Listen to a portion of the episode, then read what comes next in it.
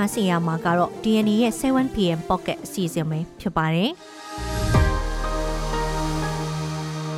ဒီကနေ့ဇူလိုင်လ3ရက်နေ့ရဲ့ Pocket အတန်လွင်စီစဉ်မှာတော့ရခိုင်မှာမုံတိုင်းအတွက်လူထားတဲ့ရိတ်ခါနဲ့ကဲဆယ်ရေးပစ္စည်းတွေစီးကွက်ထဲရောက်နေတဲ့ဆိုတဲ့အကြောင်းလီချောင်းတိုက်ခိုက်မှုကြောင့်ချင်းကာကွယ်ရေးတပ်ဖွဲ့ဝင်2ဦးကြာဆုံးနေဆိုတဲ့အကြောင်း drone နဲ့တိုက်ခိုက်ခံရတဲ့စစ်တပ်ကလက်နက်ကြီးပြန်ပစ်လို့ခလေးတဦးအပါအဝင်အရက်သား2ဦးသေဆုံးနေဆိုတဲ့အကြောင်း စာသင်ကျောင်းနဲ့စစ်ဆောင်စက်ခန်းတွေမှာဘုံခိုကျင်းတထောင်ကျော်အထိတူးထားရတယ်ဆိုတဲ့အကြောင်းနှစ်ဝက်အတွင်း drone တိုက်ခိုက်မှုအကြိမ်300နီးပါးပြုလုပ်ခဲ့တယ်လို့ Federal Wing Drone တပ်ဖွဲ့ပြောတယ်ဆိုတဲ့အကြောင်းစတဲ့ပြည်တွင်းသတင်းတွေနဲ့ရိုးရာဒလေးအရမိချောင်းနဲ့လက်ထပ်ခဲ့တဲ့မက္ကဆီကိုကမြို့တော်ဝင်ရဲ့သတင်းပီတာရုစ်ကိုဝကနာအကြီးအကဲရောက်နေတဲ့အတွက်နေဆက်လုံခြုံရေးအစီအမံတွေပိုလန်တိုးမြင့်နေဆိုတဲ့အကြောင်းစတဲ့နိုင်ငံတကာသတင်းတွေနဲ့အတူຫນွေဦးတွေကကြပြ ကြပြတွေကຫນွေဦးကိုနားဆင်ရမှာပါသတင်းအစီအစဉ်တွေကိုကျမနန်းခမ်းနဲ့ကိုမောင်တိန်ကတင်ဆက်ပေးသွားမှာပါ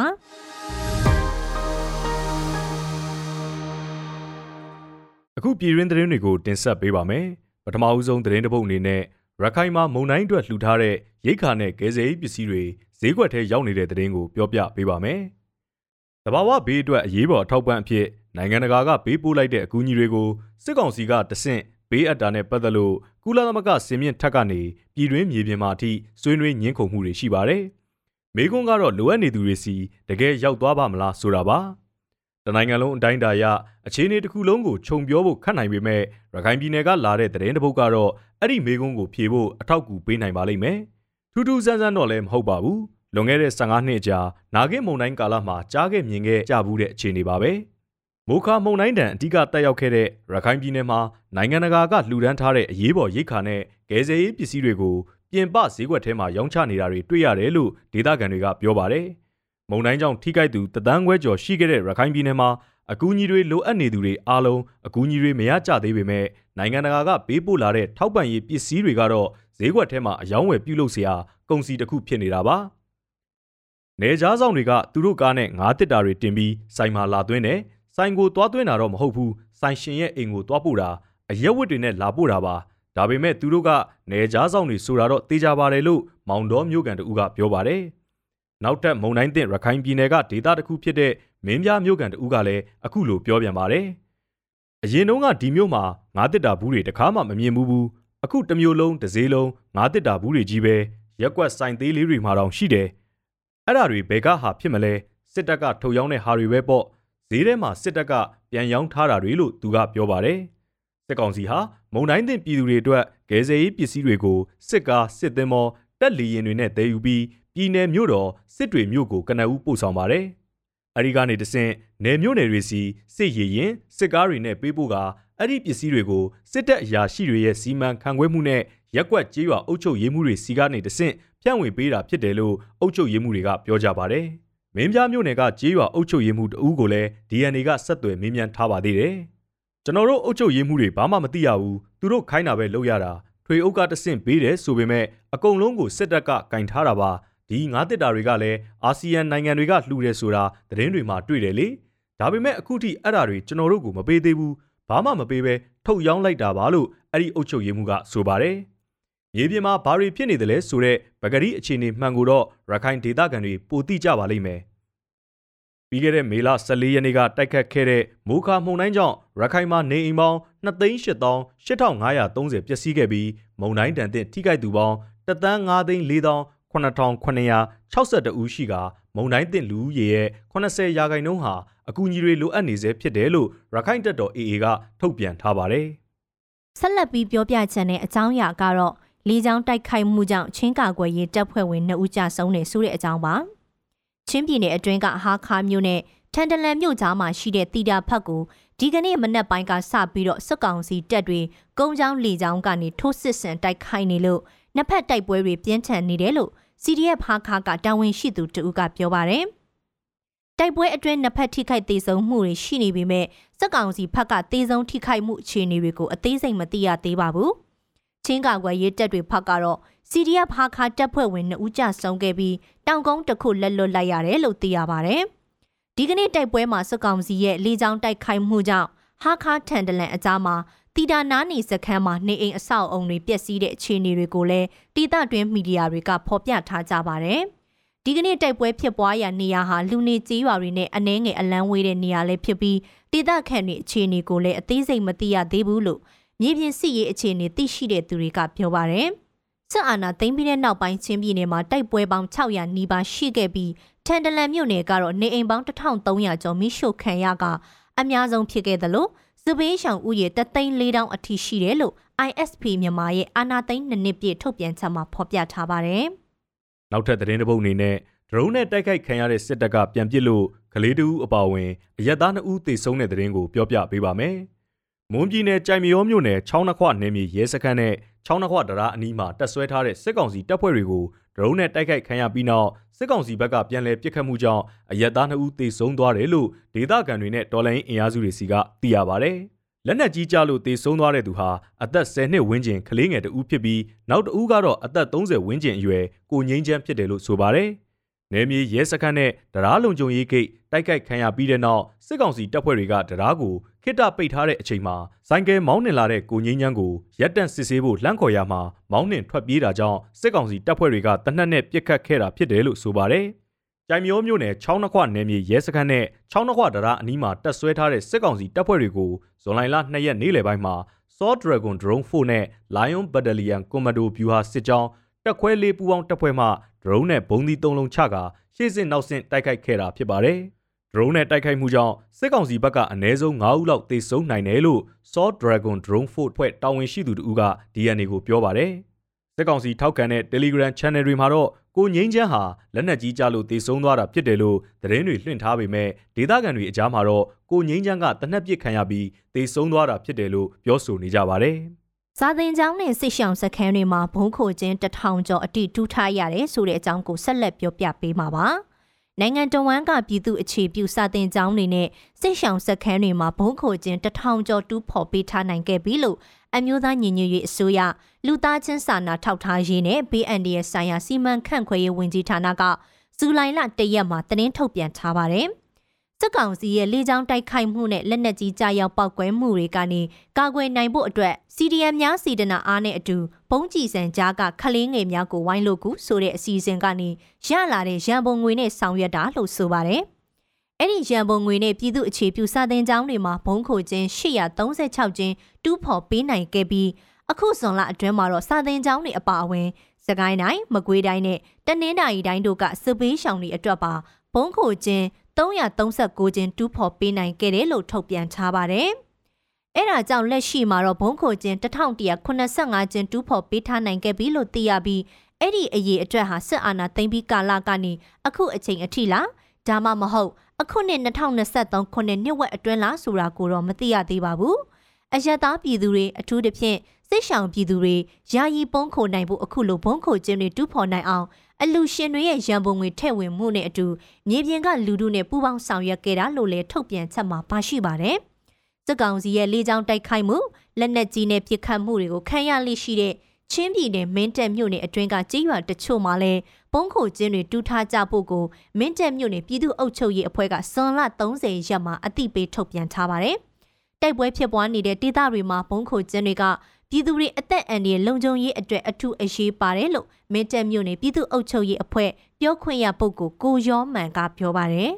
။နောက်ဆုံးသတင်းတစ်ပုဒ်အနေနဲ့နှစ်ဝက်အတွင်းဒရုန်းတိုက်ခိုက်မှုအကြိမ်300နီးပါးပြုလုပ်ခဲ့တယ်လို့ Federal Wind Drone တပ်ဖွဲ့ကအသိပေးထုတ်ပြန်လာတဲ့သတင်းကိုပြောပြပေးပါမယ်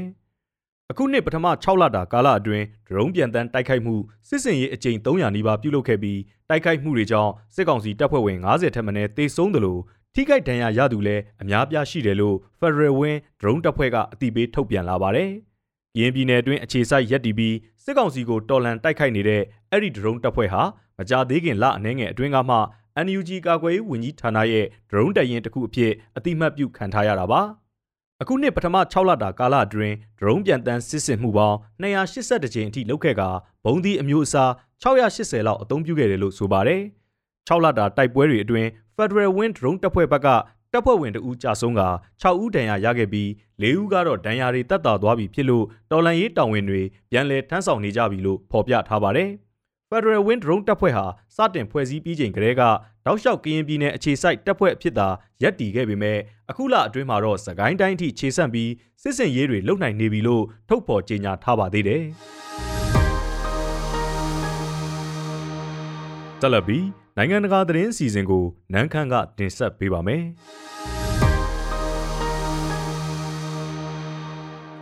မက္ကဆီကိုနိုင်ငံကမြို့တော်ဝင်တဦးဟာရိုးရာရှေးရိုးတလိထုံးနှန်းနေအရာမိချောင်းမတကောင်ကိုထိမ်းမြလက်ထပ်ခဲ့ပါတယ်။ကိုင်မန်မျိုးစိတ်မိချောင်းမတကောင်ကိုအခန်းအနားနဲ့လက်ထပ်ခဲ့တာဟာဒေတာခန်ရိုးရာတလိတစ်ခုကိုလေးစားလိုက်နာကြောင်းပြသတာလို့ဗစ်တာဟူကိုဆူစာကဆိုပါတယ်။ကိုင်မန်တွေဟာမိချောင်းမျိုးစိတ်တွေထဲမှာအတော်လေးရင်ပါသလို ရန်လိုစိတ်နေတဲ့အမျိုးအစားအဖြစ်သတ်မှတ်ခံရပါတယ်။ဒါပေမဲ့ပြီးခဲ့တဲ့သတင်းပတ်ကုံကဆန်ဖက်ဒရိုဟွာမီလူလာဆိုတဲ့မြို့လေးမှာကျမတဲ့လက်ထပ်ပွဲမှာတော့သတို့သမီးရဲ့ပါဇက်ကိုကျူးချီထားတာတွေ့ရပါတယ်။အော့ဖ်ဆက်ကပြည်နယ်ထဲမှာရှိတဲ့အဲ့ဒီမြို့မှာချောင်းနှဲမြို့နယ်တိုင်းရင်းသားအများစုနေထိုင်ကြပါတယ်။ချောင်းနှဲတိုင်းရင်းသားတွေကမိချောင်းနဲ့လက်ထပ်ချင်းဟာကောင်းကျိုးချမ်းသာတွေရရှိခံစားရတယ်ဆိုတဲ့ယုံကြည်ချက်ကိုမြို့ရိုးစင်ဆက်လက်ခံခဲ့တယ်လို့ပြောပါတယ်။ဆန်ပက်ဒရိုဟာမီလူလာမြို့တော်ဝင်ဆိုစာက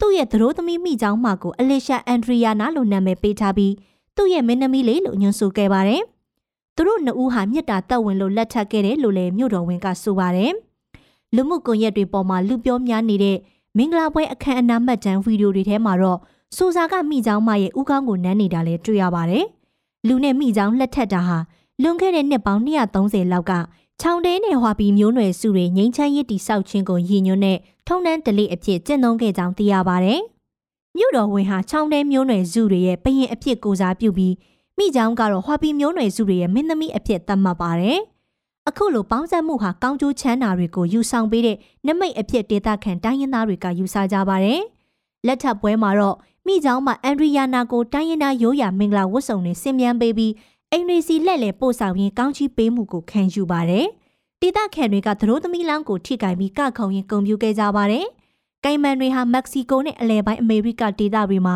အတိကနေထိုင်တဲ့မိချောင်းမျိုးစိတ်တွေဖြစ်ကြပါတယ်။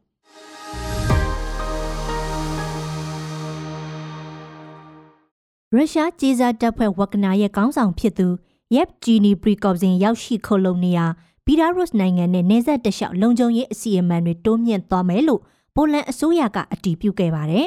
။ပိုလန်ဟာဘီလာရုစ်နဲ့နေဆက်တလျှောက်မှာလုံခြုံရေးအင်အားဖြစ်တဲ့အစီအမံအဖြစ်အကြမ်းဖက်မှုတိုက်ဖြတ်ရေးရဲအရာရှိ900ကိုတိုးမြင့်ဖြန့်ကျက်စေမှာဖြစ်ပါတယ်။ဘရီကော့စင်ဟာရုရှားမှာမအောင်မြင်ခဲ့တဲ့ပုံကံမှုအပြီးဘီလာရုစ်ကိုတွားရောက်ခုလုံနေတာပါ။နီတိုအဖွဲ့ဝင်နိုင်ငံတစ်ခုဖြစ်တဲ့ပိုလန်ကတော့အိမ်နီးချင်းဘီလာရုစ်စီဘရီကော့စင်ရောက်ရှိလာတာကိုချိန်ချောက်မှုတစ်ခုအနေနဲ့ရှုမြင်ထားပါတယ်။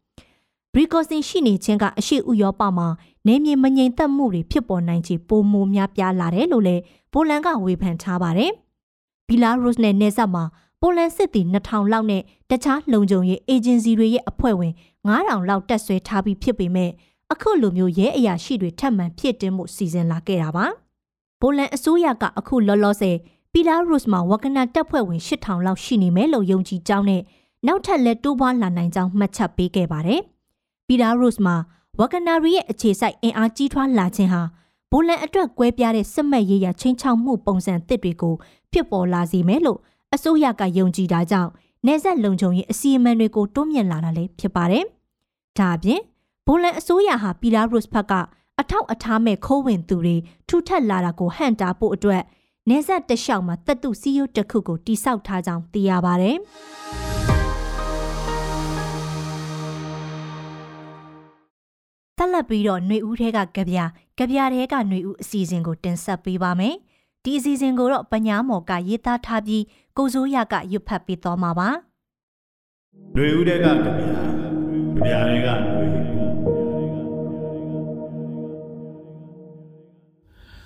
ຫນွေဦးထဲကကြပြတွေဟာတစိမ့်တစ်ပိုင်းဟာတေခြင်းနဲ့ပတ်သက်တာတွေဖြစ်နေတတ်တာဟာဒေါ်လာရင်းနဲ့စစ်ပွဲနဲ့ဆက်ဆံရတဲ့ຫນွေဦးရေးတော်ပုံအတွက် အစမ်းတကျမဟုတ်ပါအထူးအဖြင့်အသက်ကိုနှင်းထားတဲ့ຫນွေဦးသူရဲကောင်းများအတွက်ပိုလို့အစမ်းတကျမဟုတ်စူးစူး၍လျင်အနဲ့ထွင်သည်အသင်ဘာပြောချင်သနည်းဆိုတဲ့တော်လန်ရေးလိုခေါင်းစဉ်ပေးထားတဲ့မောင်တာရရေးခဲ့တဲ့ကြပြကိုအမှတ်ရစေရဒါပေမဲ့စူးတွေကနည်းနည်းစူးထားတော့စူးကိုထွင်လို့မပြီးမချင်းအသေးခိုက်အောင် နာရသူတွေဘလောက်တောင်ရှိနေပြီလဲမြတ်တက်တက်ခိုင်ကစတဲ့အပြစ်မဲ့အယက်သားပြည်သူတွေကိုဘယ်နှယောက်လောက်အထိကျွန်တော်တို့အမည်နဲ့တကွအမှတ်သားကြေကွဲနိုင်ကြတယ်လေကျွန်တော်ဝန်ခံမရစေအိမ်ထဲအထိဝင်လာအိမ်ပေါ်အထိတက်လာပြီးကြောက်လို့အဖေရှင်ဝင်နဲ့ပုံးနေရှာတဲ့အပြစ်မဲ့ကလေးမလေးကို ပြစ်တက်သွားတဲ့အဖြစ်ကရှိခဲ့ပြီး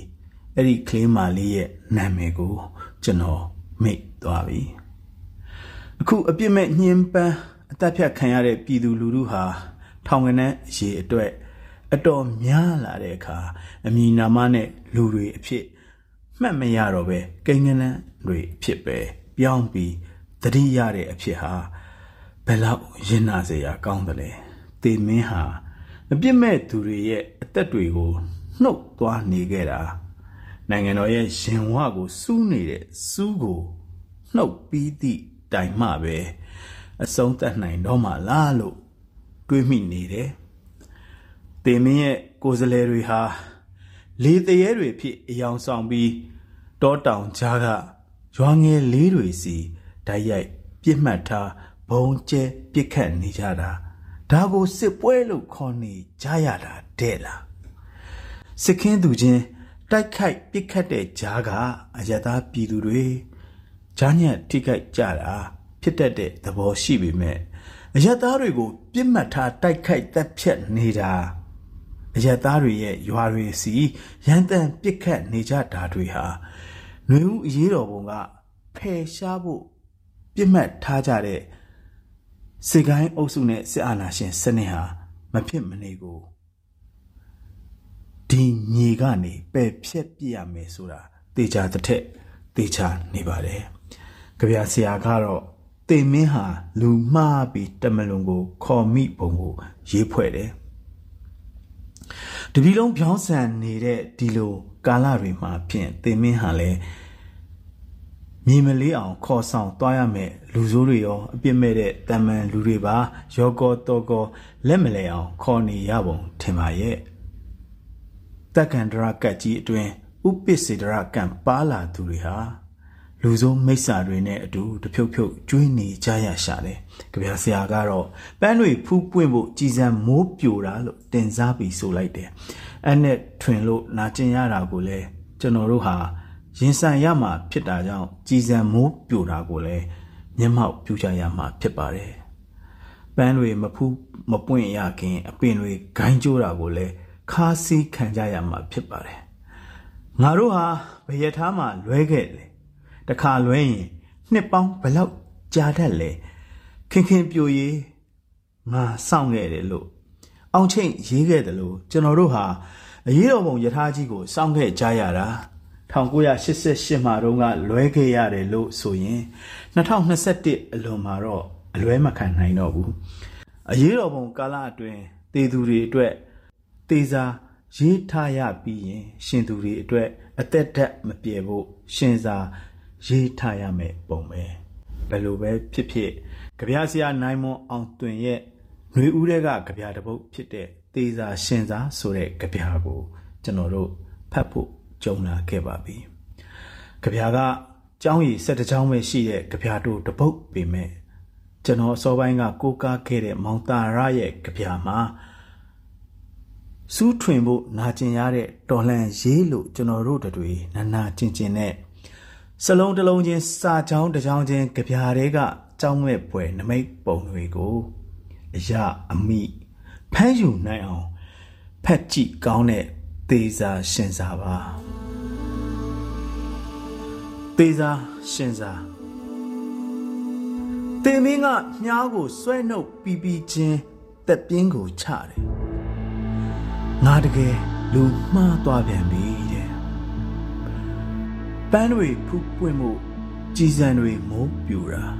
ဘယ်နေရာသည်ထိအောင့်နန်းနေရအောင်မှလဲစောင့်နေတဲ့ယထာကဓာခုတ်ရာကိုဆလွယ်တိုင်းပြီးဟက်တက်ကြီးအုပ်အောဆွဲလာပေါ့နေမသားတဲ့ကြိုးတန်းမှာအသက်ဓာတ်လေးကိုတငွေ့ငွေ့လှမ်းထားရတယ်